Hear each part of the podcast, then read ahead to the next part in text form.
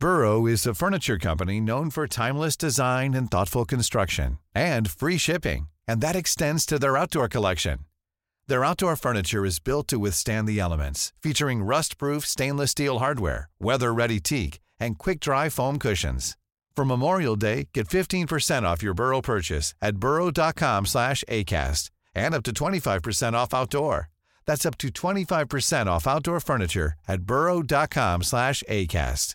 Everyone knows therapy is great for solving problems, but getting therapy has its own problems too, like finding the right therapist, fitting into their schedule, and of course, the cost.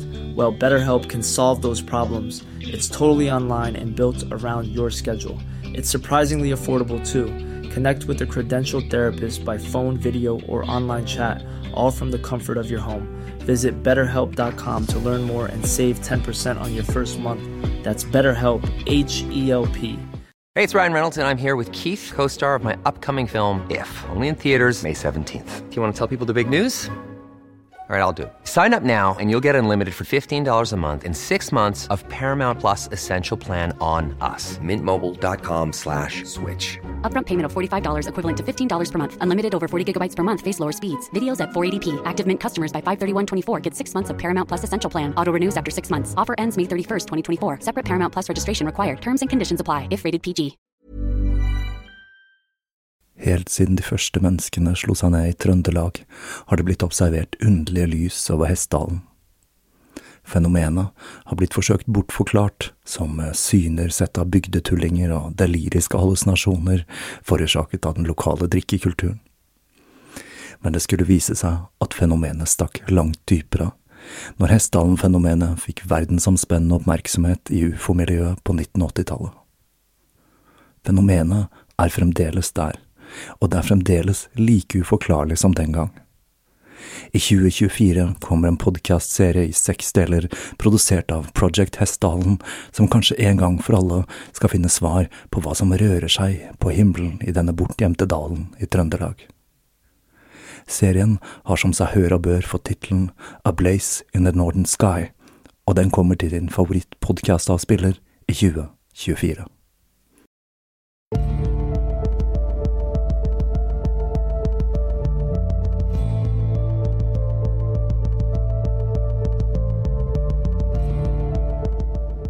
Hei og velkommen til Tåkeprat. Jeg heter Even, og vi er nå kommet til episode 15 i denne podkasten. De fleste i dag har nok hørt om enteogenisk eller psykedelisk sopp. Jeg velger da å bruke ordet enteogen og ikke psykedelisk i denne podkasten. Enteogen det kommer fra gresk og betyr vekkelse av det guddommelige indre, og er en betegnelse man bruker på en rekke psykoaktive planter og sopp som brukes rituelt for å oppnå en dypere spirituell innsikt eller kontakt med det guddommelige.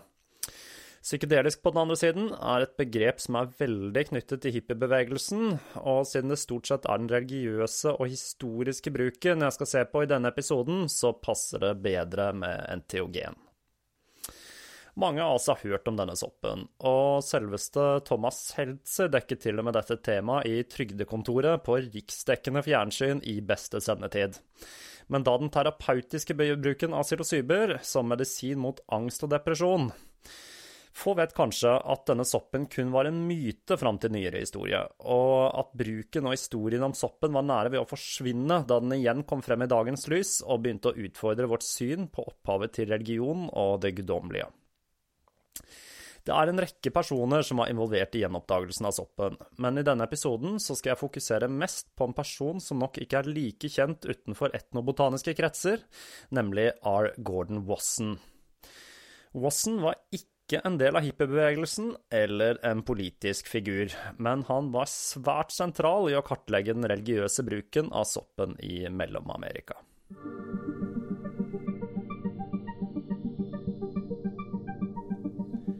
En så visjoner av at han kom til å dø og satt i å gråte. En så at han kom til å dø i krig. En så at han skulle bli spist av ville dyr. En så at han skulle ta krigsfanger. En så han skulle bli rik. En så at han skulle kjøpe slaver, og en så at han skulle være utro og kom til å bli steinet. En så at han skulle drukne, og en så at han skulle få leve livet sitt i fred og dø av alderdom. Uansett hvor mange ting som skulle skje i livet, så så de det i en visjon. Og når effekten av soppen hadde avtatt, så snakket de seg imellom om hva de hadde sett i visjonene sine. Og de så hva som kom til å skje med de som ikke hadde spist av soppen. Noen var kanskje tyver, andre hadde kanskje begått utroskap, uansett hvor mange ting eh, det var, så fortalte de alt de hadde sett. Om noen skulle ta krigsfanger, bli en erfaren kriger, et forbilde for ungdommen, dø i krig, bli rik, kjøpe slaver, arrangere gilder, bli kvelt, bli druknet, og enn som kom til å skje, så så de alltid en visjon. Denne beskrivelsen av et astekisk soppritual skrev den spanske fransiskanermunken Bernardino di Chahagun på tidlig 1500-tall. Han var en av mange munker og prester som var med conquistadorene i erobringen av den nye verden, og nedtegnelsene hans de finnes i samlingen Florentinkodekset, og er en av de få beskrivelsene av rituelt bruk av psilocyber. I lang tid så trodde man at legenden om Tenuanacatl kun var en myte, og at munken som hadde skrevet ned disse ritualene, rett og slett hadde misforstått hva han hadde sett. Teonanacatl, som er et ord på nahuatl, det astekiske språket, har blitt oversatt med gudenes legeme. Men en mer korrekt oversettelse av Theonana Teonanacatl er nok det langt mindre poetiske Den vidunderlige soppen, Den hellige soppen, eller rett og slett Den fantastiske soppen. En rekke tilfeldige hendelser skulle gjøre at en middelaldrende investment banker fra New York skulle avdekke dette mysteriet, som hadde vært hemmeligholdt i tusenvis av år, og han skulle uten å vite det være med på å starte en kulturrevolusjon som skulle endre den vestlige verden for all ettertid, ved å ta del i et ritual som fremdeles ble utført i all hemmelighet i Huautla de Jimines, en liten landsby sør i Sentral-Mexico. Noen vil si at han stjal hemmeligheten, mens andre mener han var en budbringer som brakte en gave fra en kultur til en annen.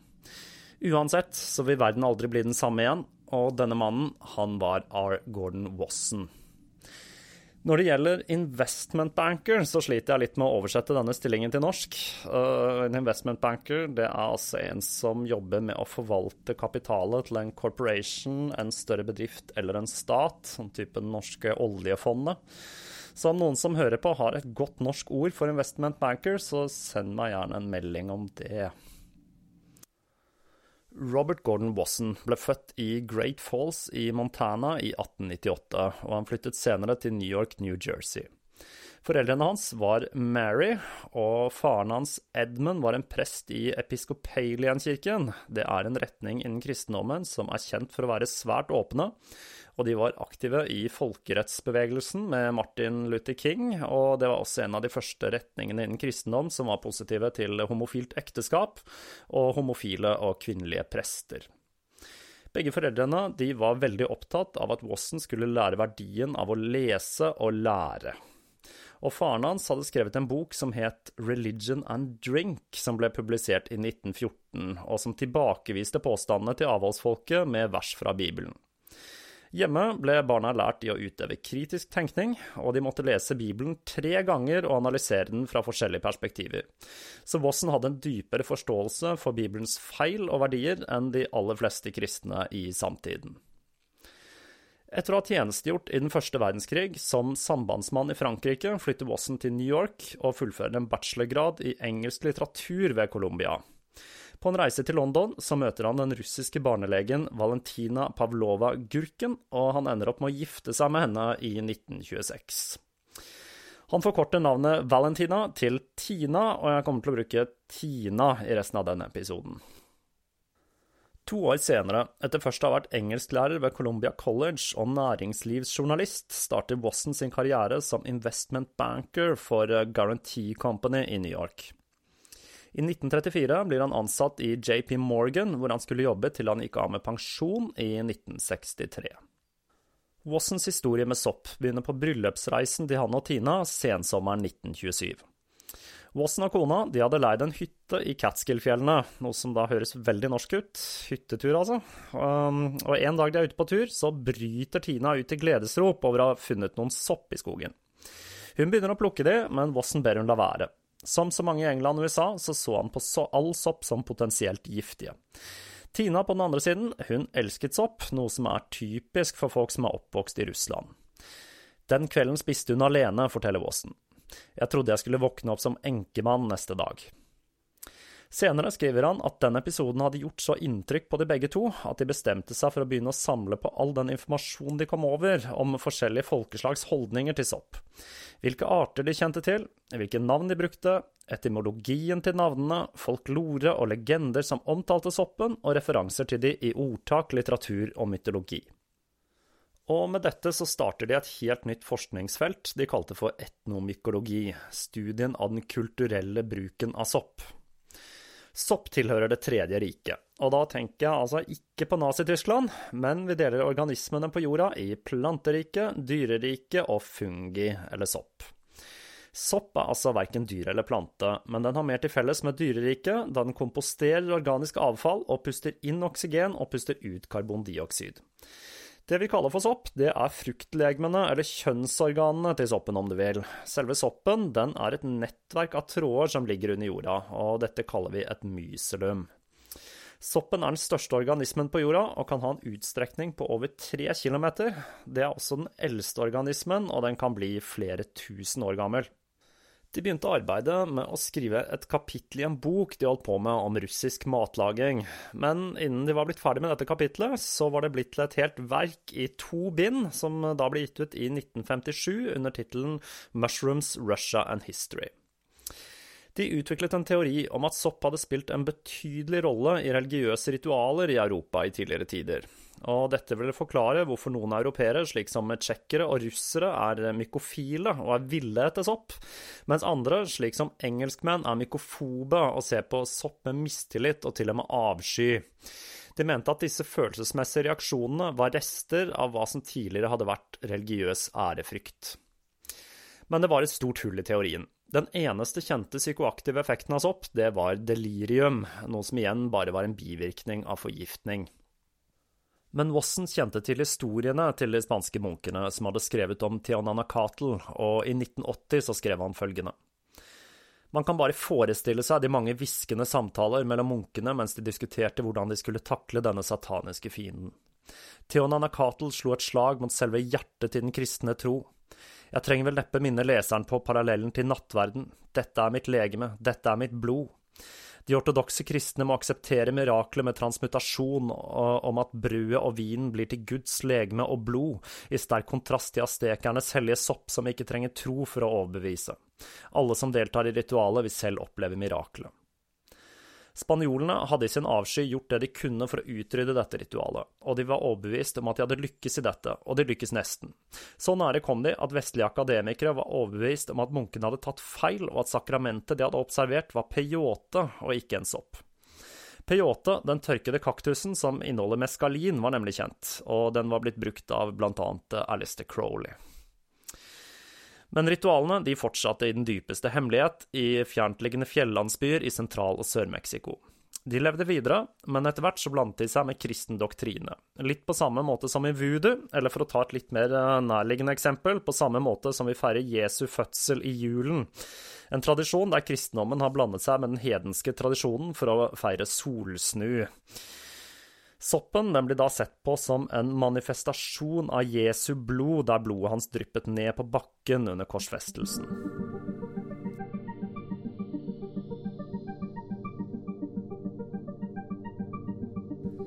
I 1936 stilte den meksikanske etnobotanisten Blas Pablo Reco spørsmål ved hypotesen om at Teonanacatl var peyote og han begynte å intervjue innfødte i fjellene i Oxassa-området i Mexico om de kjente til psykoaktive sopparter. Og ikke bare fant han ut at det fantes denne typen sopp, men de var fremdeles i aktiv bruk i hemmelige ritualer. Og i 1938 fikk Reko hjelp av en senere legendarisk etnobotanist fra Harvard, Richard Evans Schultes. Sammen så samlet de prøver av en psykoaktiv sopp i en landsby som tilhørte Masatek-indianerne. Huautla de Gimenes, og ett år etter dette så ble en antropolog fra Mexico, Jean Bassett Johnson, og hans kone de to første hvite uteforstående som observerte en soppvelada. Men de deltok kun som observatører, og deltok ikke selv i ritualet. Det samme året publiserte Schiltes en forskningsrapport som identifiserte Theonanacatl som en spesifikk art. Men med starten på andre verdenskrig så ble denne oversett i mer enn et tiår. Og det er her herr og fru Wasson kommer inn i bildet. I forbindelse med arbeidet med Mushroom, Mushrooms Russia and History ble Tina tipset av sin venn, poeten Robert Graves, om Schultes arbeid med Theona Teonanacatl.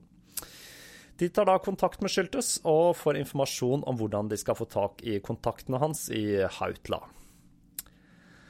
Og i begynnelsen av 1953 tar Wasson-familien den første av hva som skal bli ti årlige turer til Oksassa. Noen ganger så reiste Gordon alene, og noen ganger med Tina og datteren Marsha. I 1953 fikk de se sin første velada, men de fikk ikke selv delta. Sjamanen som holdt ritualet, fortalte at soppen kunne føre de til hvor Gud var, og Wasson noterte seg at soppen ble behandlet med respekt av de innfødte, og han gjorde det samme. Tross alt, skrev han, det var en modig ting de gjorde. La ukjente mennesker få ta del i det hemmelige ritualet. Hvordan ville en kristen prest reagert om en hedning spurte om å få prøve en nattverdsoblat? Fra 1954 begynte Boston å ta med seg en fotograf fra New York Society, Alan Richardson.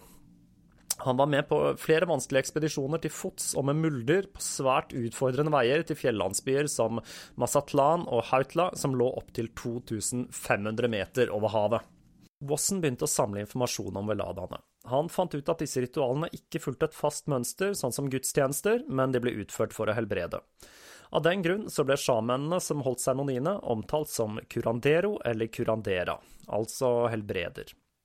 Det store gjennombruddet det kom den 29.6.1955, da Wasson og Richardson møtte Sayetano og Guadelupe Garcia, et ektepar som bodde i utkanten av Huautla. Den ettermiddagen tok ekteparet og noen venner av de med Wasson og Richardson for å sanke en psykoaktiv sopp som vokste på sukkerrør. Soppen de sanket, det var psilocybe carelucens, og var en av flere arter som ble brukt i veladaene, og som var blitt identifisert som teonanacatl. Sayetano sendte broren sin som oversetter med Wasson og Richardson for å møte en curandera som het Maria Sabina, og som bodde i Hautla. Maria Sabina hun tror feilaktig at Boston og Richardson er blitt klarert for ritualet av Saitano da han var en av landsbyrådet, og hun sier seg villig til å holde en velada med datteren sin Apollonia i hjemmet til Garcia den samme kvelden. Guadalupe Garcia beskriver Maria Sabina som uno senora zimancha, og Wasson sa senere at det var ei dame uten lyter, direkte og som aldri hadde misbrukt sin stilling til det onde. Med egne ord så beskriver Wasson hvordan kvelden startet. På den onsdagen i juni, etter mørket hadde senket seg, så samlet vi oss i ett av rommene i første etasje. I alt, på et tidspunkt, må det ha vært så mye som 25 personer til stede. Jeg og Alan var begge dypt imponert over stemningen i forsamlingen. Vi ble godt mottatt, og nattens begivenheter utspilte seg i en atmosfære av vennlighet som kunne minne oss om agape, den uselviske kjærligheten i tidlig kristne tider. Vi var bevisste vårt drama. Vi var deltakere i et måltid med sopp som var av enorm antropologisk interesse, et ritual som strakk seg ubegripelig langt tilbake i tid, muligens helt tilbake til våre forfedre levde i Asia, kanskje helt tilbake til det tidligste mennesket da de oppdaget ideen om Gud. Seremonien begynte ca. 10.30. Maria og datteren stilte seg foran et lite bord som tjente som et alter. På alteret var det to bilder, ett av Jesusbarnet og ett av dåpen hans i elven Jordan. Dette bekreftet igjen Wassons antakelse om at eh, massatekene så på ritualet som tett knyttet opp mot kristendom. Og Maria Sabina forteller at de ikke kan gå på den venstre siden av alteret, fordi det var her Den hellige ånd ville stige ned. Videre så forteller Wasson av at veladaene følger en bestemt rituell prosedyre. Curanderoen takker først soppen og velsigner den med røkelse før den blir delt ut til deltakerne. Ryan Reynolds here from Mint Mobile. With the price of just about everything going up during inflation, we thought we'd bring our prices down. So to help us, we brought in a reverse auctioneer, which is apparently a thing. Mint Mobile unlimited premium wireless. Ready to get 30, 30, bit to get 30, bit to get 20, 20, 20, bit to get 20, 20, bit to get 15, 15, 15, 15 just 15 bucks a month. So, Give it a try at mintmobile.com/switch. slash $45 upfront for three months plus taxes and fees. Promo rate for new customers for limited time. Unlimited more than 40 gigabytes per month. Slows. Full terms at mintmobile.com. Everyone knows therapy is great for solving problems, but getting therapy has its own problems too, like finding the right therapist, fitting into their schedule, and of course, the cost. Well, BetterHelp can solve those problems. It's totally online and built around your schedule. It's surprisingly affordable too. Connect with a credentialed therapist by phone, video, or online chat, all from the comfort of your home. Visit betterhelp.com to learn more and save 10% on your first month. That's BetterHelp H E L P. Wasson og Richardson spiste seks par med sopp hver, og soppen ble alltid spist i par for å symbolisere mann og kvinne. Soppen ble spist med andakt mens man så mot alteret. Maria Sabinas dose var den dobbelte, tolv par. Etter soppen var fortært og alle lysene var slukket, fulgte det en 20 minutters stillhet. Etter dette så begynte Maria Sabina å nynne, og nynningen gikk over i messing og sang. Denne sangen vedvarte hele natten, akkompagnert av akustiske lyder Maria og datteren lagde ved å klappe i hendene eller slå seg på brystet. Og når soppen begynte å virke, snakket Maria som om hun påkalte ånder, eller som om det var Den hellige ånd som snakket gjennom soppen. Her kommer en oversettelse av en av sangene fra en velada. Kvinne av kosmos er jeg, kvinne av dagen er jeg, kvinne av lyset er jeg, kvinne av loven er jeg, kvinne av handel er jeg. Jeg priser dommeren, jeg priser styresmaktene, jeg priser Faderen, Jesus Kristus, og moderprinsessen, min skytsmor og Jesus. Fader Jesus Kristus, kvinne av fare er jeg, kvinne av skjønnhet er jeg. Jeg skal reise til himmelen, Jesus Kristus, en virvlende kvinne av virvelvinden er jeg. En kvinne av det hellige, fortryllede steder er jeg. Ørnekvinne er jeg, klokkekvinne er jeg. Verden kan muntres opp, bli munter, la oss bli opplyste. La vår far komme til oss, la Kristus komme til oss. Vi venter på vår far, vi venter på vår far, vi venter på Kristus. Wasson beskriver effekten av soppen på følgende måte. Geometriske mønstre, vinklede, ikke sirkulære, i dype farger som man kan se i utsmykkede tekstiler eller tepper. Mønstrene vokste seg til arkitektur med søyler og bueganger, terrasser i kongelig storhet, alt bygget i stein i briljante farger, gull og onyx og ibenholt. Alt satt sammen på en genial og harmonisk måte, i den rikeste herlighet og evighet til utover horisonten. I landskap som ikke kan fattes av mennesket. Det virket som det var en del av den arkitekturen som blir beskrevet av de visjonære i Bibelen. Wasson fortalte at han kunne se palasser kledd i edelstener, fjell som strakte seg helt opp til himmelen, hager av umåtelig skjønnhet og elver som rant ned i et endeløst hav i lyset fra en pastellfarget sol. Om visjonene så sa Wasson. De fremsto ikke som eldet, men helt ferske fra Guds verksted, uten slitasje, det virket som arketyper i vakre former og farger. Vi følte at vi var til stede i Platons idéverden, og med dette, ikke la deg lure til å tro at vi forsøker å forlede leseren med retorikk, for selv om de visjonene vi hadde var og vil fortsatt være hallusinasjoner, så var det ikke falske skygger av ekte ting eller oppspinn igangsatt av en overaktiv fantasi vi så. Det vi så var, den eneste virkelighet, og hverdagslivene våre var den uperfekte fantasien. Og når visjonene tiltok i styrke, opplevde Wasson og Richardson hva de innfødte mente når de sa at soppen hadde kraften til å ta brukeren til der Gud var. Det finnes ingen bedre måte å beskrive det neste som skjedde på, om at det var som om sjelen ble transportert ut av kroppen og omgjort til et flytende punkt i kosmos, og kroppen ble igjen som et skall av leire. Vi hadde følelsen av at veggene i huset var borte, at våre frie sjeler fløt gjennom universet og ble kjærtegnet av guddommelige vinder. Vi kunne transportere oss til hvor vi ville med tankens kraft. Det var et øyeblikk da det virket som om visjonene skulle endre seg, og en mørk port skulle til å åpne seg, og vi ville befinne oss i nærheten til den allmektige. Vi ble trukket mot porten som en møll mot lyset, men porten åpnet seg ikke. Vi var både skuffet og lettet over at vi ikke hadde kommet i nærværet til den unevnelige. Det virker som om vi kanskje aldri hadde kunnet komme tilbake, og at vi ville ha blitt utslettet av den guddommelige utstrålingen.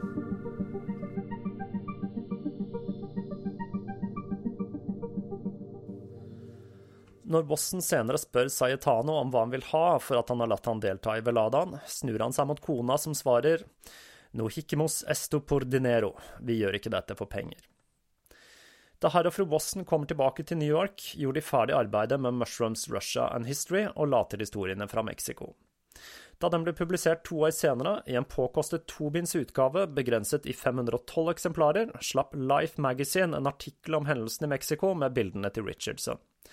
Det var i denne artikkelen Magic Mushrooms ble brukt for første gang, mot Wassons vilje, et begrep som festet seg i bevisstheten til folk og blir brukt en dag i dag. Wasson hadde forsøkt å holde navnet på landsbyen og Maria Sabina anonyme, men til ingen nytte. Ikke lenge etter denne artikkelen var publisert, begynte det en valfart fra Vesten til Oksassa på jakt etter den hellige soppen.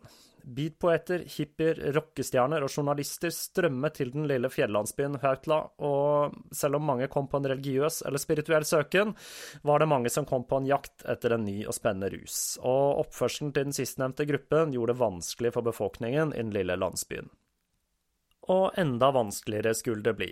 Det amerikanske DEA erklærer soppen som et ulovlig rusmiddel og begynte å presse de meksikanske myndighetene til å rettsforfølge alle som brukte soppen, uavhengig av formål. Og på dette tidspunktet så ble det så mye for folkene i Uhautla at de brant ned huset til Maria Sabina fordi hun hadde gitt hemmeligheten til Vesten. Heldigvis så blir hun senere tilgitt, og før hennes død i 1985 var hun igjen en høyt aktet curandera, og hun er fremdeles ansett som en svært viktig spirituell veileder både i Mexico og i Vesten. Mye av dette skyldtes Wassons arbeid. Etter at Tina døde av kreft i 1958, fortsatte han med det han kalte for Vårt arbeid. Han publiserte flere artikler og bøker om den rituelle bruken av sopp i Mexico, Guatemala og flere andre land i Mellom-Amerika. Den første av disse publikasjonene var Maria Sabina and Her Massatec Mushroom Velada fra 1974. Den kom med et lydopptak av sangen fra en velada og med en transkripsjon av seremonien. Bossen var svært stolt av dette verket, og han uttalte ofte at dette var et av hans beste arbeider, og i antropologisk sammenheng så var det svært unikt. I en senere bok, 'Mushroom Mycolatry in Mesoamerica' fra 1980, oppsummerer han alle bevis han har for sin og Tinas teori om at soppen spilte en sentral rolle i religionen i Mellom-Amerika. Og han dokumenterer dette grundig med dokumentasjon fra conquistadorene, kunst, arkitektur osv. Det som er skikkelig vågalt i denne boken, det er at han anbefaler Theonanakatl som en måte å komme til der Gud er, ikke bare for de innfødte, men for alle menn og kvinner som er modige nok til å ta sakramentet. Han skriver i livene våre, selv i livene til de som er mest jordnære, er det øyeblikk da verden stopper opp, når selv ordinære ting plutselig ikler seg skjønnhet, sjelesettende og fantastisk skjønnhet. På meg virker det som om disse øyeblikkene kommer fra underbevisstheten, hvor de har ligget skjult hele tiden, for visjonene til soppen er en endeløs strøm av disse øyeblikkene.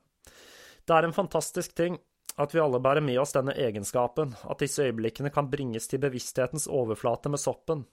Tar de innfødte feil når de kaller soppen for guddommelig?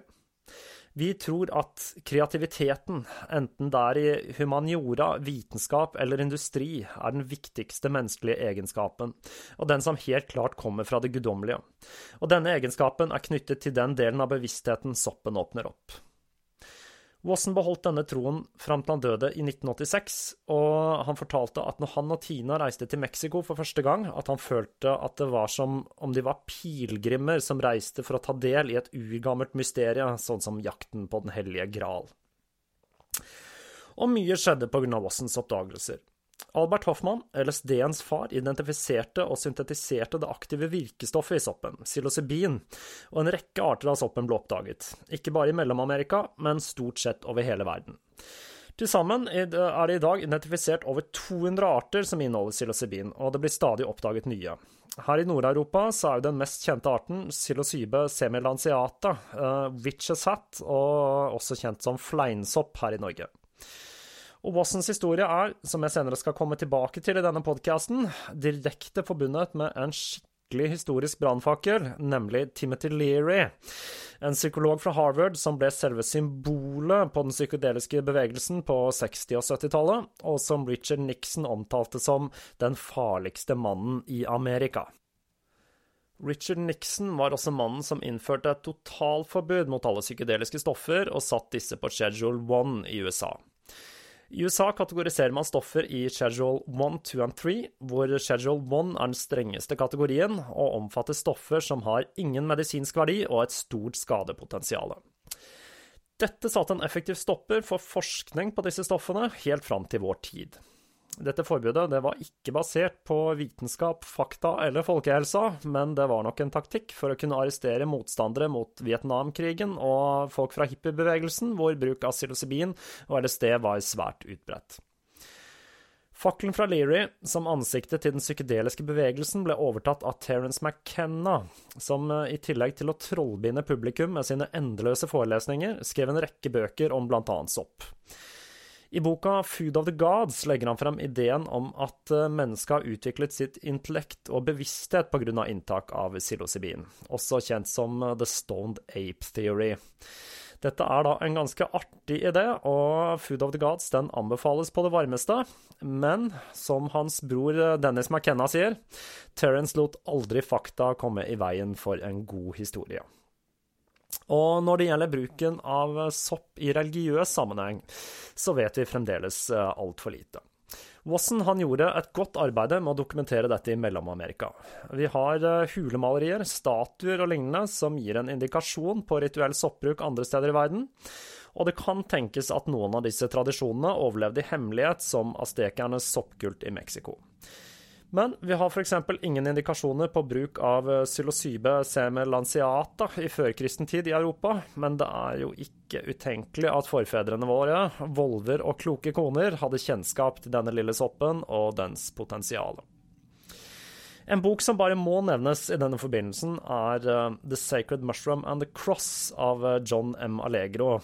Uh, Allegro han var en spesialist på dødehavsrullene, og i denne boka argumenterer han for at kristendommen er bygget på en fruktbarhetskult som brukte psilocyber. Han møtte massiv motstand mot påstandene sine, og han ble latterliggjort og fikk karrieren sin ødelagt pga. dette. Men i ettertid så er det publisert flere bøker om dette temaet, og ideen er nok ikke fullt så på jordet som man først kunne tro. Blant annet så er det blitt spekulert i om flere av de bibelske åpenbaringene er entiogeniske opplevelser.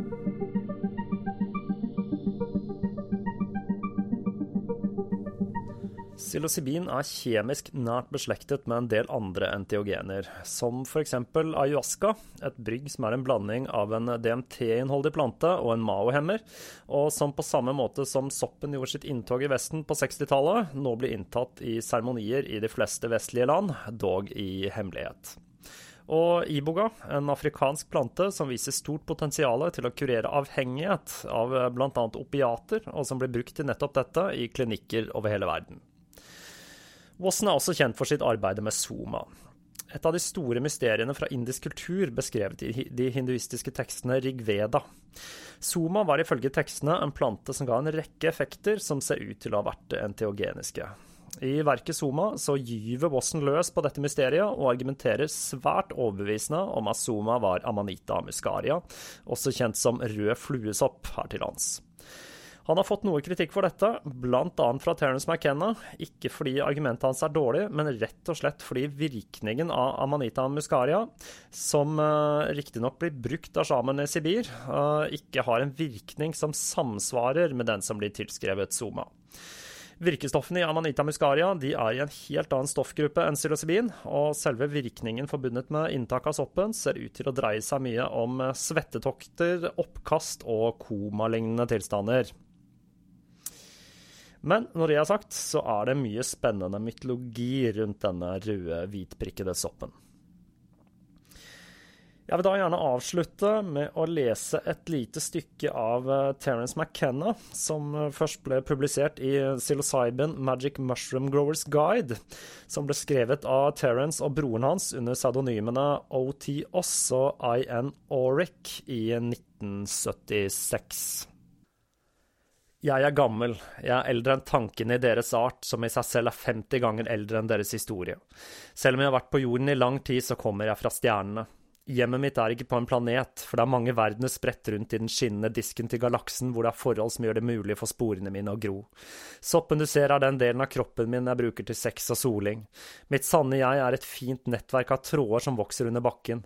Dette nettverket kan dekke mange mål og har flere koblinger enn den menneskelige hjernen. Dette nettverket er nesten udødelig, kun den plutselige forgiftningen av en planet eller en eksploderende stjerne kan drepe meg.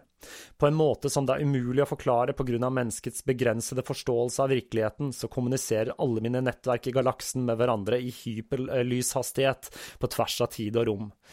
Mitt miseliske nettverk er så skjørt som et spindelvev, men min kollektive bevissthet og hukommelse er et enormt historisk arkiv over utviklingen til mange former for intelligent liv på mange planeter i vår spirale stjernesverm. Kosmos er et enormt hav for oss som kan reprodusere oss fra sporer, for sporer er belagt med det hardeste organiske materialet som finnes. På tvers av verdensaldre, av tid og rom, svever mange sporer av mange livsformer i dvale i millioner av år, fram til de oppnår oppnår kontakt med et miljø der hvor de kan vokse og leve. Få av slike arter er bevisste. Kun jeg og noen av mine nære slektninger har oppnådd hyperkommunikasjon og hukommelse, noe som gjør oss til en av de fremste intelligente organismene i galaksen. Hvordan denne kommunikasjonen fungerer er en hemmelighet og vil ikke bli åpenbart til menneskene.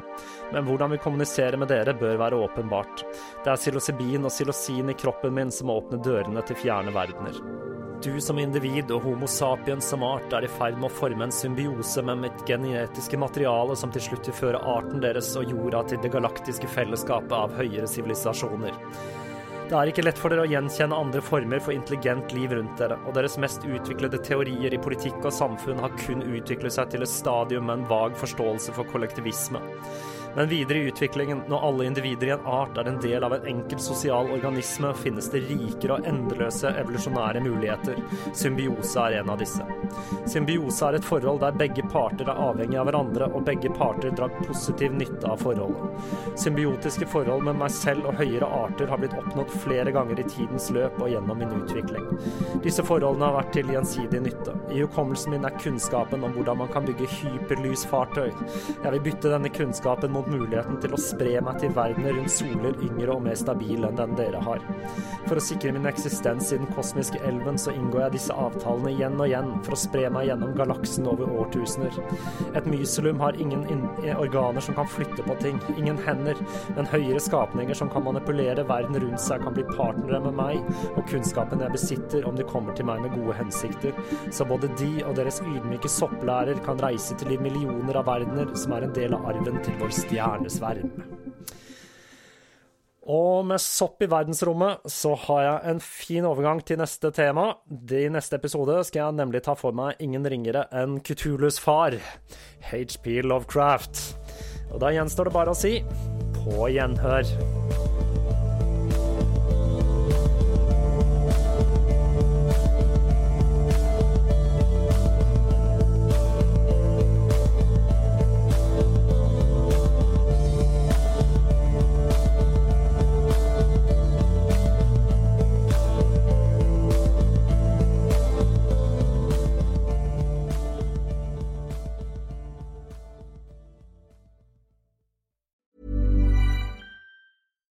We're on a budget, we still deserve nice things.